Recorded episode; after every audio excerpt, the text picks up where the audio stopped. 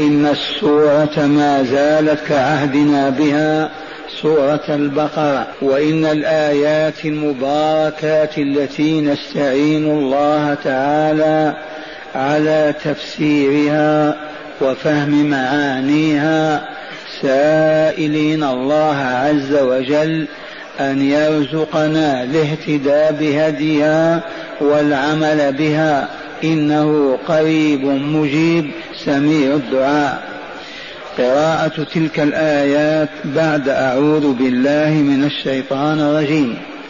يا بني إسرائيل اذكروا اذكروا نعمتي التي أنعمت عليكم وأني فضلتكم على العالمين.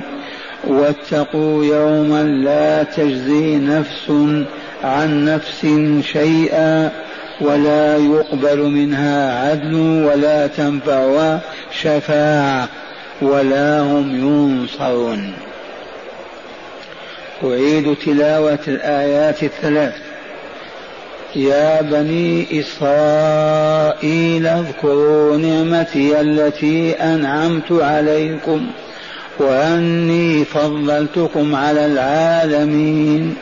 واتقوا يوما لا تجزي نفس عن نفس شيئا ولا يقبل منها عدل ولا تنفعها ولا تنفعها شفاعة ولا هم ينصرون.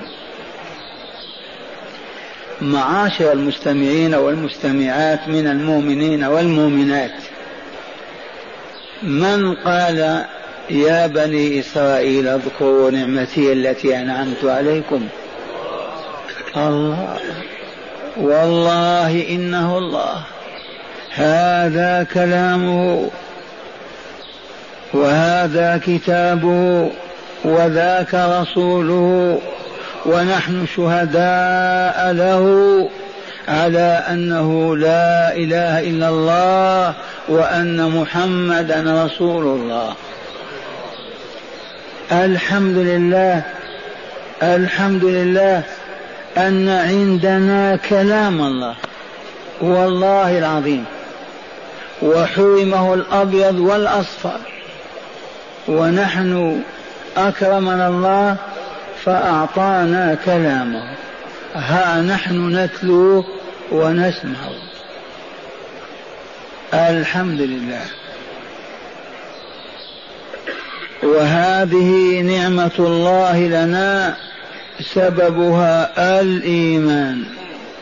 لو أننا ما آمنا لكنا مبعدين ملعونين مطرودين محرومين.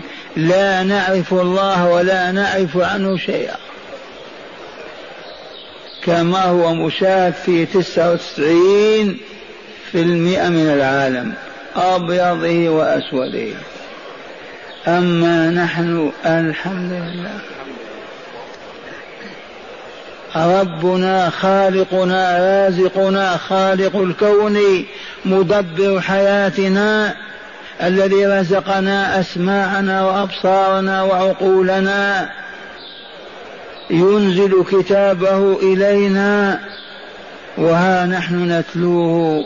ونتدبره ونفهم ما فيه ونعمل بما فيه. أي نعمة أجل وأعظم من هذه؟ لا نعمة. فهيا بنا ندرس هذه الآيات الثلاث. يقول تعالى يا بني إسرائيل من هم بنو إسرائيل؟ إنهم اليهود. والله إنهم لا اليهود ولما قال فيهم بنو إسرائيل لأنهم قطعا هم من ذرية يعقوب بن إسحاق بن إبراهيم ويعقوب عليه السلام يلقب بإسرائيل. لقبه إسرائيل كعبد الله وعبد الرحمن. أين إسرائيل مضى عليه آلاف السنين؟ وأولاده وأحفاده وأحفاد أحفاد أحفاد. سلسلة ماتوا. والذين بقوا أحياء على عهد نزول هذا الكتاب وكانوا يسكنون هذه المدينة. فهو يخاطبهم تعالى بوصفهم سلسلة ما انقطعت من إسرائيل عليه السلام. وقد علمتم مما سمعتم أنهم يحتفظون بأنسابهم ويحتفظون بيهوديتهم البدعه الباطلة. فلا يفتحون بابا للتهويد كما فعل النصارى للتنصير. ما يريدون أن يدخل الناس في دينهم. وهم يعتقدون تلك الفرية الباطلة وأنهم شعب الله المختار. في حين أننا علمنا علما والله ليقينيا أن الله قد غضب عليهم ولعنهم. وما من مؤمن منا ولا مؤمن الا ويقرا اهدنا الصراط المستقيم صراط الذين انعمت عليهم غير المغضوب صراط غير المغضوب عليهم من هم والله إنهم اليهود غضب الله عليهم لما أغضبوه أغضبوه هل لك يا شيخ أن تبين لنا أسباب غضب الله عليهم حتى نتقيها؟ لأننا نخشى أن يغضب الله علينا ويطردنا من رحمته.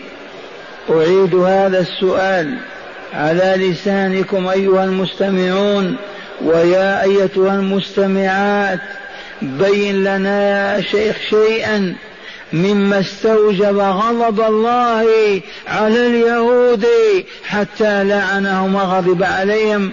خشية أن نقع نحن في ذلك الإثم وتلك المعاصي فيغضب الجبار علينا ويلعننا. وبسم الله مما استوجب غضب الله تعالى على اليهود بني عمنا يا أولاد إسماعيل. عليكم السلام. أنهم قتلوا الأنبياء والعلماء. قتلوا الأنبياء والعلماء. ونحن ما قتلنا الأنبياء لأنهم غير موجودين. أتدري لو كانوا موجودين من من يضمن أننا ما نقتلهم؟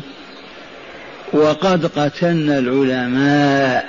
ثانيا استوجبوا غضب الله لأنهم أكلوا الربا استباحوا الربا وأشاعوه بينهم ونشروه في العالم اليوم.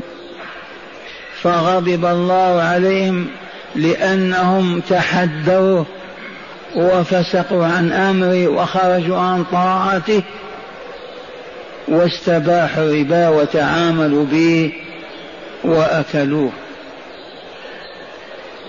هل المسلمون اليوم سلموا من هذه الجواب كلكم يعلم. وما يدرينا أن الله قد غضب. ما هناك وحي جديد ابدا.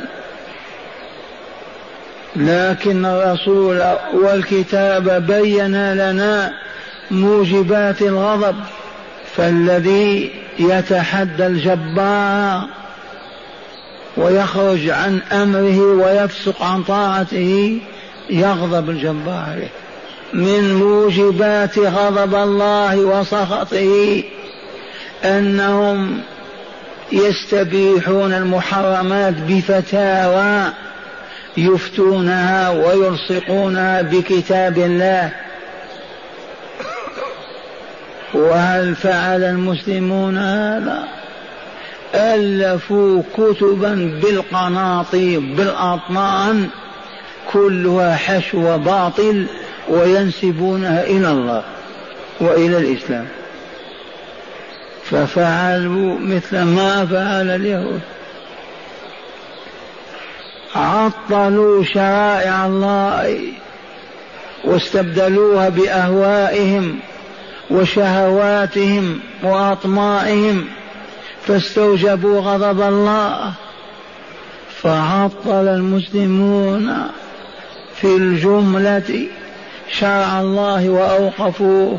وابعدوه من ساحة القضاء والحكم واستباحوا ما حرم الله. من يمنعنا من يضمن أننا غير مغضوب علينا؟ غضب الله تعالى على بني إسرائيل. سلط الله عليهم ضربتين قاسيتين. الأولى على يد البابليين. فشردوهم مزقوهم نكلوا بهم. وبعد مرور القرون تراجع من تراجع وثابوا إلى الله وأنابوا. فعادوا وقال لأحد أنبيائهم عين لنا ملكا نقاتل تحت رايته. ونسترد مجدنا ونظامنا ودولتنا. واستجاب الله وانتصر في تلك المعركة الخالدة داود عليه السلام وما إن مات ذلك الحاكم حتى أصبح داود الحاكم النبي المرسل. وتكونت دولة واتسع نطاقها على يد ولي عهده سليمان عليه السلام. فساد بنو إسرائيل العالم. الشرق والغرب. وأنوار الإله والأنبياء والحكمة والحكم والكتاب تغمر الدنيا. بعد ذلك لما شبعوا وسكنت نفوسهم واطمأنوا ومات سليمان تمردوا على الله. وفسقوا عن أمره. ولبس نساؤهم الكعب العالي. يا شيخ الكعب العالي موجود عندنا نحن. صحيح؟ أي. لست القائل هذا رسول الله صلى الله عليه وسلم. هو الذي يحدثنا عنهم.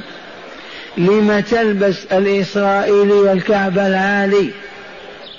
لأنها قصيرة القامة تريد أن تطول أو ترتفع. فيصنع لها حذاء كعبه طويل. وهذا الآن هي ماذا أقول؟ نستر أستر وكلكم يعلم. كعب العالي. كان أحد الأبناء. قال يا شيخ ما هو قضية أنه عالي ترتفع حتى تظهر للرجال؟ لا لأنها تتغنج وتتكسر إذا لبسته وتتمايل لتفتن القلوب. وفعل نساء المؤمنين اليوم ما هو أفظع وأبشع. انتهى الحياء إلا من رحم الله منها. إذا أصبح النساء يبعن ويشترين في المساجد في البيع فصدر الأمر بطردهن. قالت عائشة رضي الله عنها قد يطرد نساء اليوم كما طرد نساء بني إسرائيل. إذا ماذا عساي أن نقول ما إن فسقوا فسق هذه الأمة اليوم ما هو بأكثر؟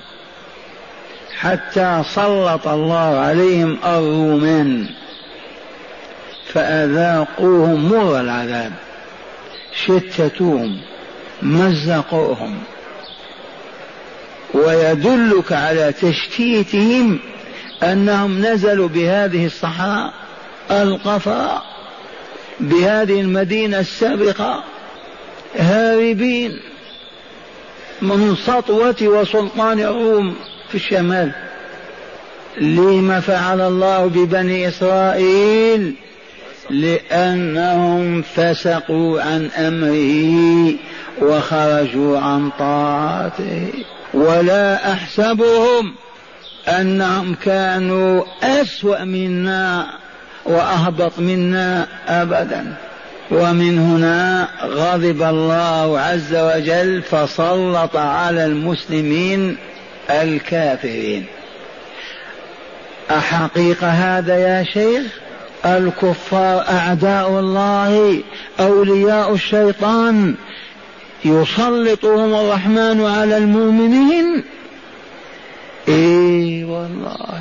لقد حكمنا الشرق والغرب. ممالك الهند العظيمة؟ جوزرجاوة وتلك الأمة الغريبة. الشرق الأوسط بأنواعه ما نجا إلا هذه البقعة. آية من آيات الله فقط. إذا فعل بنا كما فعل ببني إسرائيل. أم نحن أفضل منهم؟ أين يذهب بعقولنا؟ أولاد الأنبياء يناديهم هذا النداء الثالث يا بني إسرائيل يريد أن يسترجعهم يريد أن يردهم من تيهانهم ليكملوا ويسعدوا. أولاد الأنبياء يا بني إسرائيل اذكروا نعمتي التي أنعمت عليكم. إذا ما هناك فرق أبدا بيننا وبينهم إلا فرق واحد وهو أنه يوجد بيننا مؤمنون ومؤمنات أطهار أصفياء هم أهل الله وأولياء هؤلاء هم دار أهل دار السلام. هذا الفرق. وهم بقيت فيهم بقايا لكن قليلة لأن عددهم قليل. هذا الفرق بيننا وبينهم اليوم. إذا لما قدمت هذه المقدمة؟ لأني سبق أن قلت نحن أولى بهذه الموعظة. أين بنو إسرائيل؟ لا وجود لهم معنا. أليس كذلك؟ لو كانوا معنا لوجهنا إليهم هذا النداء الإلهي. لكن نجانا الله منهم وطردهم من الحجاز والمملكة. لو كنا قادرين على أن نبلغهم بلغناهم وذهبنا إلى ديارهم لكننا عاجزون. فنحن الآن أحق بهذا النداء لأن حالنا كحالهم.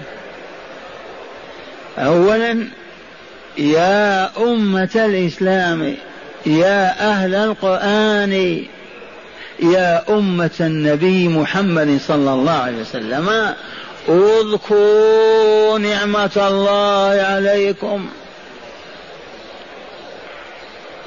أذكروا نعمة الله عليكم. أن كنتم مشركين وثنيين يهودا نصارى بوذا صابئة لا تعرفون الله ولا لقاءه ولا تعرفون نورا ولا هداية فأنعم عليكم بأعظم نعمة أن أنزل كتابه وبعث رسوله وجمعكم على الإيمان والتقوى. اذكروا هذه النعمة. وبعد ما المراد من الذكر؟ أن نقول إن الله أنعم علينا إن الله أنعم علينا إن الله أنعم علينا. هذا المقصود. اذكروها بقلوبكم لتشكروها بألسنتكم وجوارحكم. اذكروا النعمة من أجل أن تشكروا المنعم جل جلاله وعظم سلطانه. هذا هو الطلب. اذكر النعمة لتشكر المنعم ليزيدك ولا يغضب عليك ولا يسلبك ما أعطاك. إذا ونحن نشكر ماذا؟ أية نعمة نشكرها؟ النعم أخبرنا أن لو أردنا إحصاءها والله ما قدرنا. ولا بالآلات العصرية. إذ قال عز وجل وإن تعدوا نعمة الله لا تحصوها. إذا من هذه النعم التي أنعم بها علينا نعمة الإسلام بشرائعه وقوانينه وآدابه. لم تخلينا عنه وتحللنا وبعدنا؟ ما أصبح لنا هيكل. ولا ذات ولا شخصية على الأقل يقال هؤلاء مسلمون. إلا من رحم الله. كأننا ذوبون ذوبانا. ما أصبح للعالم الإسلامي ذات ولا شخصية. ما لهم. أعيد فأقول المطالبة بذكر النعمة المقصود منها الشكر. ما هو الشكر يا شيخ؟ الشكر أولا الاعتراف بالقلب في قرارة نفسك. ألا تنسى أن ما بك من نعمة هي من الله. وابدأ بسمعك ببصرك بمنطقك ولسانك بيديك ورجليك ببطنك. ذاتك منعم بها عليك. أنت خلقت نفسك. أنت أوجدت سمعك وبصرك أنت أوجدت عقلك وفهمك وذوقك. نعمة كاملة هذه أهديتها. أي وهبك الحياة. اذكر هذا بقلبك. ثم احمد واشكر المنعم. لا تنسى كلمة الحمد لله. الحمد لله في صباحك في مسائك في ليلك في نهارك في كل أحوالك في مرضك في صحتك في جوعك في شبعك. دائما الحمد لله. الحمد لله. ثاني ثالثا أن تصرف النعمة فيما من أجلها أنعم الله بها عليك. هذا هو الشكر. هيا بنا نبدأ بنعمة البصر. هل أذن الله لك يا عبده أن تفتح عينيك وتبصر ما لا يحل لك؟ أما بلغك قوله قل للمؤمنين يغضوا من أبصارهم ويحفظوا فروجهم. ذلك أزكى لهم. أما قال للمؤمنات بلغ يا رسولنا قل وقل للمؤمنات يغضضن من أبصارهن ويحفظن فروجهن. ولا يبدين زينتهن إلا ما ظهر منها وليضربن بخمرهن على جيوبهن ولا يبدين زينتهن إلا لبعولتهن أو آبائهن أو آباء بعولتهن أو أبنائهن أو أبناء بعولتهن أو إخوانهن أو بني إخوانهن أو بني أخواتهن أو نسائهن أو ما ملكت أيمانهن أو التابعين غير أولي الإرباع. هذا جديد هذا ولا قديم هذا الكلام. يا رسولنا بلغ. اللهم اشهد فقد بلغ. وهذا كتابك بين أيدينا. هل شكرنا نعمة البصر فغضضنا أبصارنا وغض نساؤنا أبصارهن؟ أجيبوا. قلنا لا نطيع نعمة اللسان. لو تصفي حالنا وتغربل وضعنا وتستخرج أضغاننا وأمراضنا وأحقادنا وباطلنا وتشاهد ذلك يغمى عليك. في حين اسمع وبلغ يقول الرسول الكريم صلى الله عليه وسلم من كان يؤمن بالله واليوم الآخر فليقل خيرا أو ليصمت. هل طبقنا هذا الأمر؟ أقول لو تسجل أقاويلنا وأحاديثنا وهرانا يملأ الكون. وإن شئتم عرفتم النقد والطعن والشتم والسب والانتقاد والسخرية و كأننا لسنا بالمؤمنين. أليس هذا الواقع؟ إنه لهو الواقع. واسمع إليك وإلى غيرك في المجالس أذكر شخص ينهال عليه الجالسون. وقل من يغلق أذنيه ويقوم. لا تغتابوا. لا تذكروا كذا. أين نعمة اللسان؟ وهي من أجل النعم. أعطيت هذا اللسان لتفصح. عما أنت في حاجة إليه؟ أمي أعطيني الماء. أبينا وإني كذا فلان اربط كذا من أجل أن تخدم نفسك بلسانك. لا أنك تكفر به نعم الله. لعلي واهم واهم. لو كنت واهما لأشرتم. إلى وحدة المسلمين وتحابهم وتعانقهم وتلاقيهم كأنهم جسم واحد. أشيروا حكومات أحزاب منظمات جمعيات قبائل طوائف يأكل بعضها بعضا. أين آثار طاعة الله عز وجل؟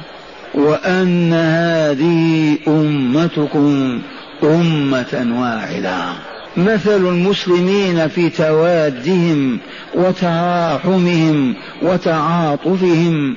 مثل الجسد الواحد إذا اشتكى منه عضو تداعى له سائر الجسد بالحمى والسهر. المسلم أخو المسلم لا يظلم ولا يكذب ولا يقتل. كل المسلم على المسلم حرام. دمه عرضه ماله. سمعتم؟ تبلغني عجائب. وأنا أقول والله إن عذابا يجري في بلاد العرب لا يوجد يوم القيامة. فهمتم؟ إن عذابا يجري في بلاد العرب فضلا عن العجم. في سجونهم لا يوجد في النار. مسلمون. ماذا نقول؟ من أولى بهذا النداء؟ نحن أم اليهود؟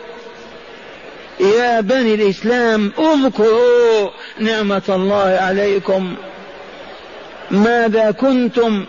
كنتم بهائم في الغابات ورؤوس الجبال. لا تعرفون الله ولا الدار الآخرة. لا إيمان ولا إحسان ولا إسلام. فأنعم الله عليكم بنعمة أعزكم على البشر ورفعكم إلى مستوى لا يصل إليه إلا مثلكم. لما ننتكس ونرجع الوراء ونغير مجرى حياتنا ونصبح عرضا لغضب الله علينا. وقد أرانا آية. استعمار الشرق والغرب لنا آية. ونحن الآن تحت النظارة. والله العظيم. أين الله؟ بالمرصاد تقرؤون سورة الفجر وإلا لا؟ إن ربك لبالمرصاد. والآن كلمة صحوة لا وجود لها بل سكر وكل يوم العالم الإسلامي هابط. فإذا دقت الساعة وغضب الجبار سوف ينزل بالموجودين بلاء أعظم مما سبق. ما صحوا ولا استفاقوا ولا رجعوا.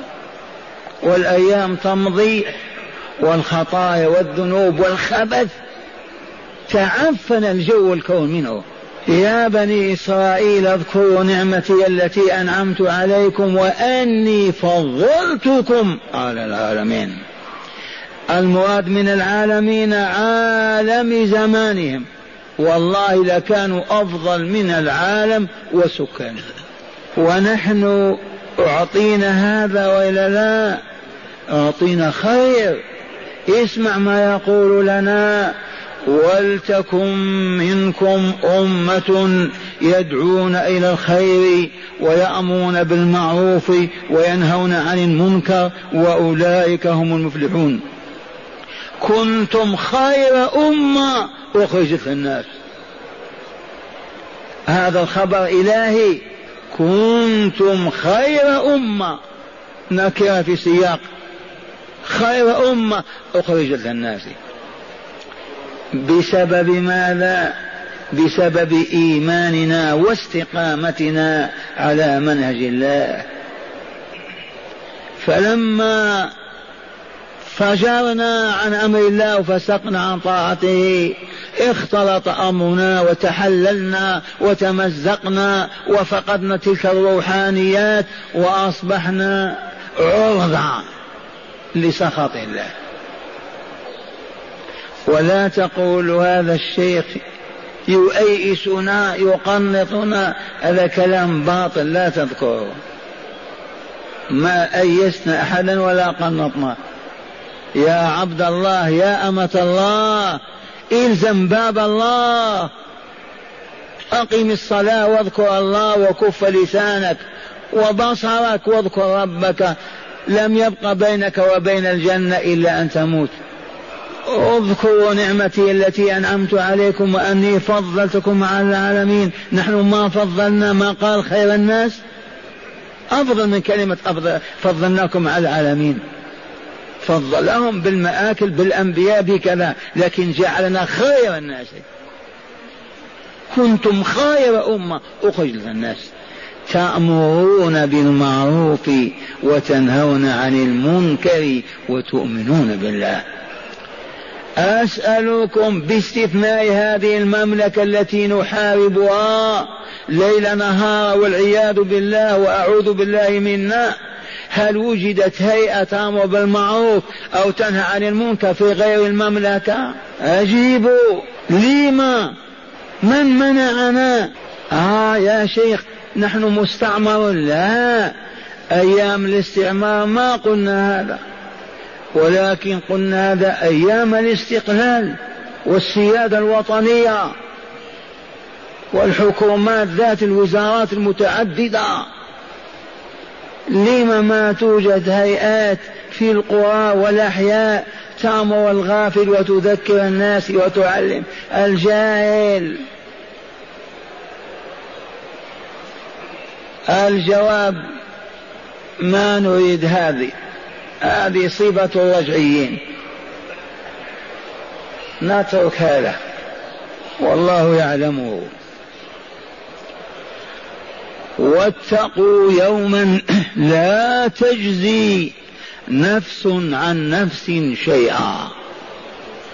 يا أمة الإسلام اتقي يوما يوما عظيما. صفه لنا يوم لا تجزي نفس عن نفس شيئا. لو يأتي بك أبوك وهو رباني صالح ويقول أي ربي هذا ولدي لا يدخل النار. وقد عبدتك ثمانين سنة. والله ما يجزي عنه أبدا. تأتي الأم أي ربي؟ عبدتك سبعين سنة وهذا ولدي أو هذه ابنتي تقاد إلى جهنم. شفعني فيها يا ربي. والله ما تقبل. لها شفاعة اسمع ما يقصه أبو القاسم صلى الله عليه وسلم في استعراض وقد شاهد بأم عينيه لما يحشر الله الخليقة لساحة فصل القضاء إبراهيم عليه السلام يقول يا ربي لقد وعدتني ألا تخزيني يوم يبعثون وهذا أبي الأبعد في النار فأي خزي أخزى من هذا في هذا اليوم؟ فيقول له الجبار جل جلاله وعظم سلطانه أي إبراهيم انظر تحت قدميك. كان فراسه يبكي انظر تحت قدميك. فينظر فإذا والده آزر البابلي في صورة ضبع بل في صورة ذكر الضباع أقبح صورة وأبشعها وهو ملطخ بالدماء والقيوع. ما إن يراه إبراهيم حتى يقول سحقا سحقا سحقا. فيؤخذ والله من قوائمه الأربعة ويلقى في أتون الجحيم. فتطيب نفس إبراهيم. هذا أبو الأنبياء هذا خليل الله هذا إبراهيم ما شفع في والده. ونحن نطمع أبونا كإبراهيم. أين يكون واتقوا يوما لا تجزي نفس عن نفس شيئا. وأخبرنا أيضا أبو القاسم صلى الله عليه وسلم عندما يوضع الميزان فتوضع حسنات الاب فلا ترجح. تبقى السيئات أرجح منها. فيأتي إلى بعض أولاده إن كان له أولاد أي ولد. لقد علمت أن الآباء وأني وأني وأنا الآن في حاجة إلى حسنة ترجح بها كفة ميزاني. فيقول ولد إي يا أبتاه أعلم أنك كنت خير الآباء لي ولكن نفسي نفسي. وتأتي الوالدة الأم تقول لولدها كذلك. ولا يستطيع أحد أن يعطي حسنة من حسناته. لما يعرف أنه إذا رجحت كفة السيئات هلك. إذا واتقوا يوما لا تجزي نفس عن نفس شيئا وإن قل ولا يقبل منها عدل. وهل يوجد العدل المقابل قنطار من الذهب والفضة؟ بنوك العالم بأسره ما يقبل وأن لها ذلك لو قلت أي رب هذا ولدي أدخل النار بدلي. والله ما يقول. ولا تنفعها شفاعة. ولا تنفعها شفاعة. يعيش المسلمون في قرون الظلام ألف سنة معولين على الشفاعة. تعرفون الشفاعة الوساطة؟ ضم جاه إلى جاه ليقبل الطالب للشفاعة وهذا وقت بيانها. مستعدون لمعرفة الشفاعة؟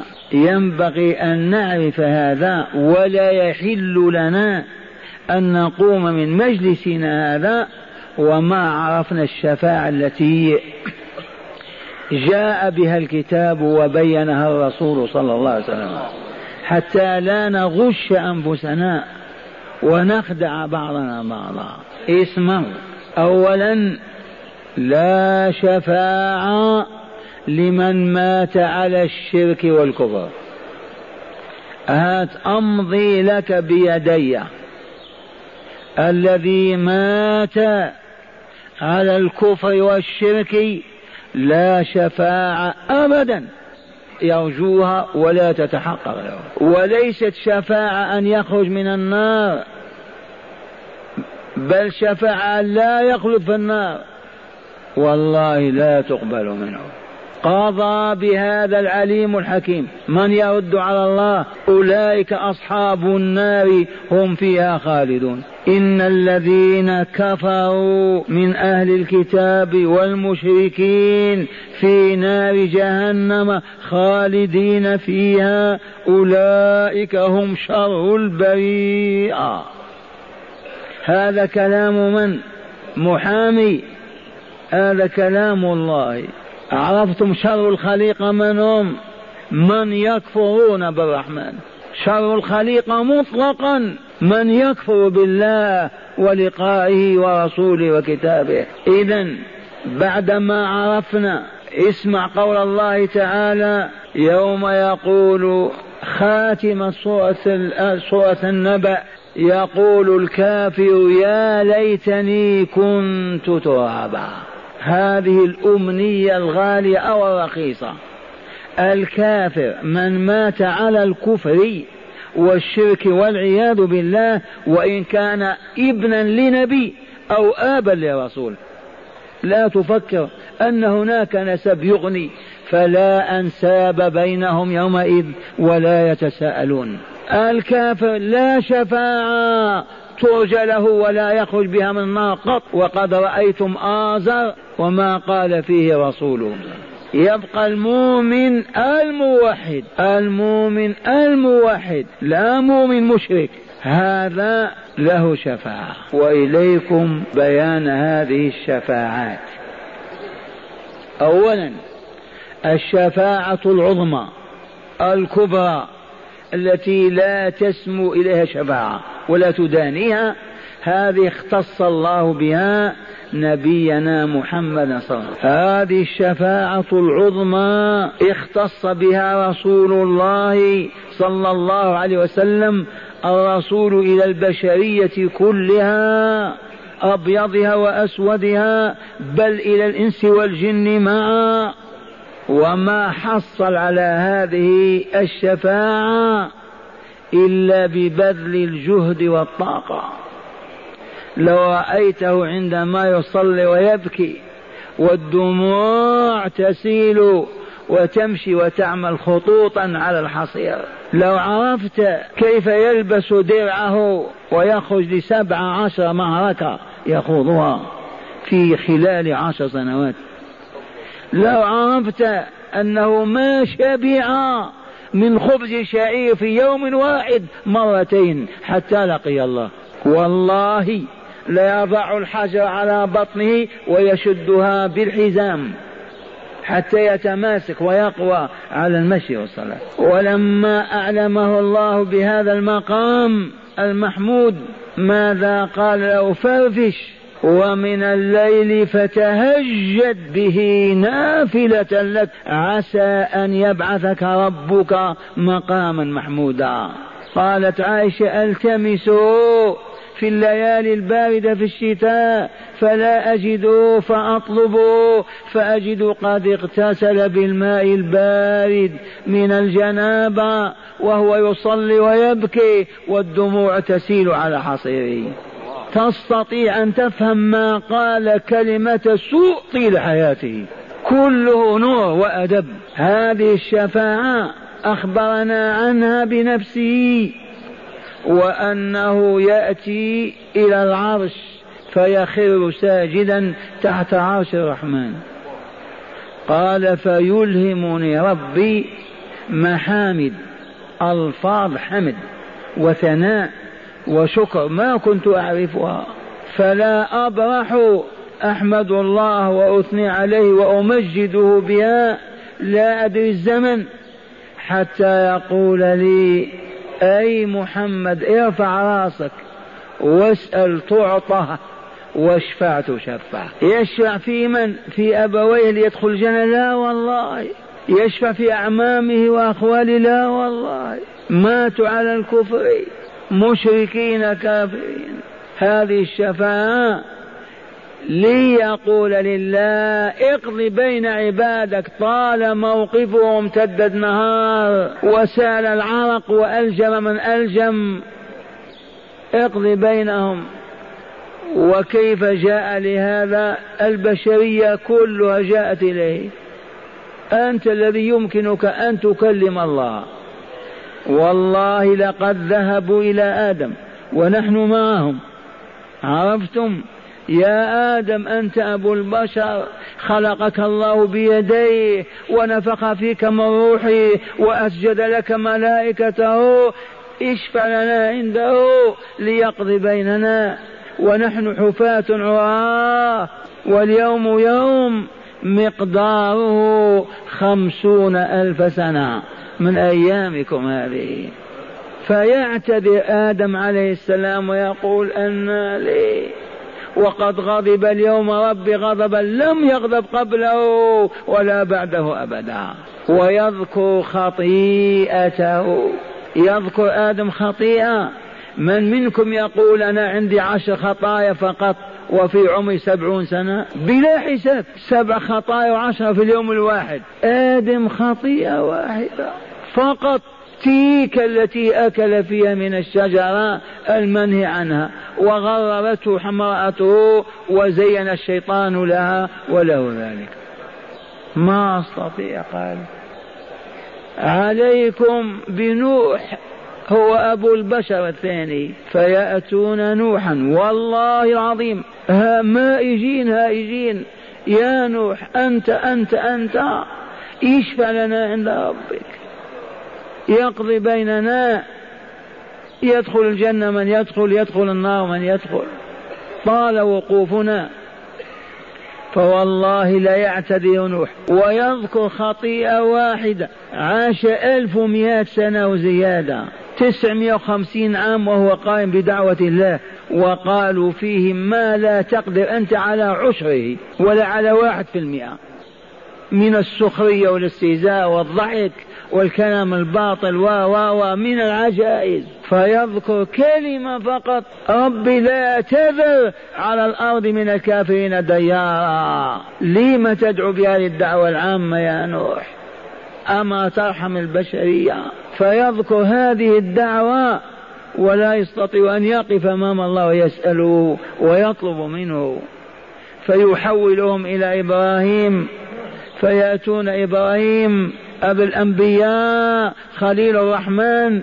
آه أنا أخطأت ثلاثة كذبت ثلاثة كذبات. كيف أواجه ربي وأخاطبه؟ كذب كم مرة ثلاثة.